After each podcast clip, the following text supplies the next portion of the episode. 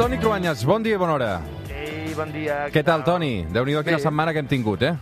Home, sí, a veure, hem tingut eh, moltes històries ahir, diada, taula de diàleg, Europort, també. Eh, teníem tot el tema aquesta setmana, clar, de l'11S, l'aniversari dels Estats Units i de l'Afganistan. L'Afganistan ja en vam parlar diumenge passat. Home, escolta'm, i el bisbe de Solsona, que ha estat el tema estrella, també, que sembla Home. que ja no ens en recordem, pràcticament.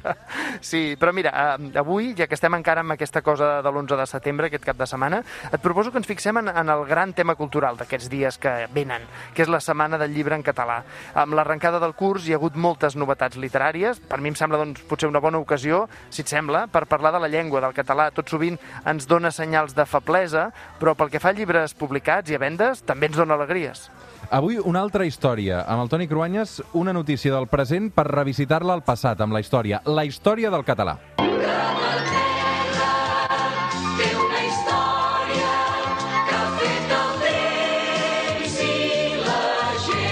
si això és el Draghi, crec, un referent eh, molt, molt, molt vintage sobre la història de Catalunya, no, Toni? Sí, sí, jo l'havia vist de petit, tu ja... Jo no, no, no a però, però n'he sentit, sentit a parlar... Eh, clar, o sigui, eh, eh, parlem català per culpa dels romans, no, Toni? Sí, això també ho explicava el Draghi. A veure, és que el català és llatí, és una evolució del llatí, o sigui que sí, tot va començar amb els romans. Hi ha moltes llengües europees eh, que tenen el seu origen en el llatí i el que diferencia el català del castellà, el francès, l'italià o el romanès és el moment en què es trenca amb el llatí, el moment en què amb la caiguda de l'imperi romà es perd paulatinament el contacte amb el llatí oficial i el que parla la gent a cada territori es va convertint en aquesta nova llengua. Abans de l'arribada dels romans, aquí es parlava alguna altra llengua, entenc, eh? Sí, alguna o més d'una en realitat, perquè entre els anys 1000 i el 218 abans de Crist, on actualment parlem català, hi havia els celtes, els fenicis, els grecs, els ibers... Són pobles i civilitzacions que es van establir aquí i que parlaven les seves llengües amb més o menys sofisticació, amb més o menys precisió, clar. Però vaja, els fenicis, per exemple, ja tenien un sistema alfabètic que estava molt avançat i també un sistema de números per fer càlculs també molt avançat. Però arriben els romans, el llatí es converteix en la llengua oficial i això permet que els diferents poblats s'entenguin entre ells. Sí, és la llengua de les lleis i dels soldats. Per tant, els textos són en llatí, les llengües indígenes ja van cedint terreny. Ja des de l'inici, el llatí que parlen en llocs diferents de l'imperi és un llatí també diferent, però els parlants no se n'adonen. És a partir del segle V després de Crist que l'imperi romà d'Occident es descompon i també la unitat que representava el llatí es trenca. Això dona pas a les llengües anomenades romàniques, entre les que hi ha el català. Dels romans, Toni, passem als trobadors de l'edat mitjana. Amb la decadència de l'imperi romà, els visigots ens van ocupar. Això és entre els segles V i VIII després de Crist. El llegat lingüístic posterior als romans també serà decisiu per al naixement del català. A la Catalunya vella, per exemple, és molt forta la influència de les llengües germàniques.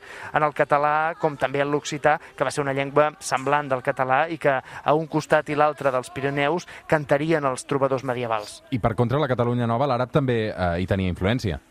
Pensa que la invasió musulmana va començar al segle VIII, al sud de Catalunya es va estendre ja fins al segle XII, per tant són molts anys, molts segles.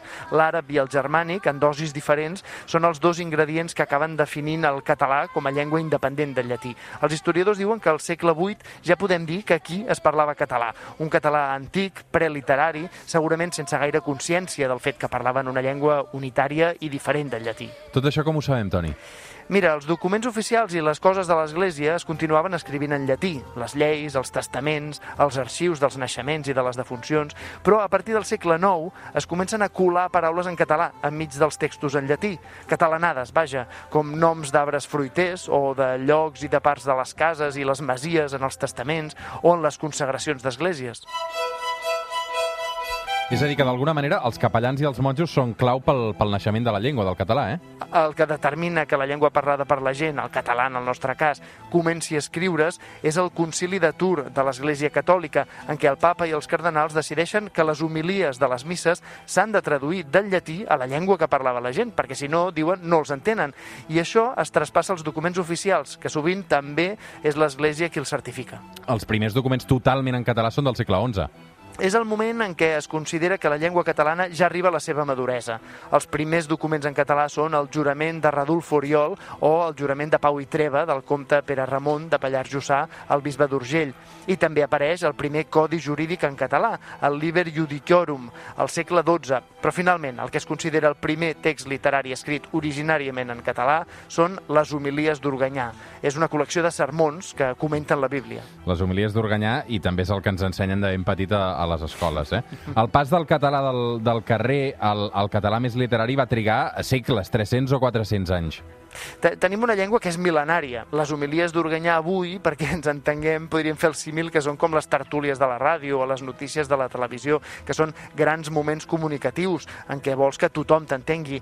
I el català, per sort, al segle XII i ara serveixen per això, perquè ens entenguem. Parlo sense vergonya, parlo.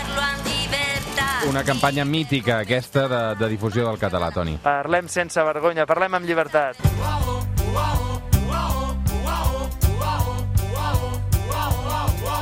Però avui arribarem a les 9 amb un clàssic dels Antoni Font, eh, una cançó fantàstica, me sobren paraules, eh, divertidíssima. Els Antoni Font, que tornaran, tornaran aviat als escenaris, a més a més amb nou disc, i per tant és una fantàstica notícia. Toni Cruanyes, bon diumenge, descansa. Perfecte, una abraçada.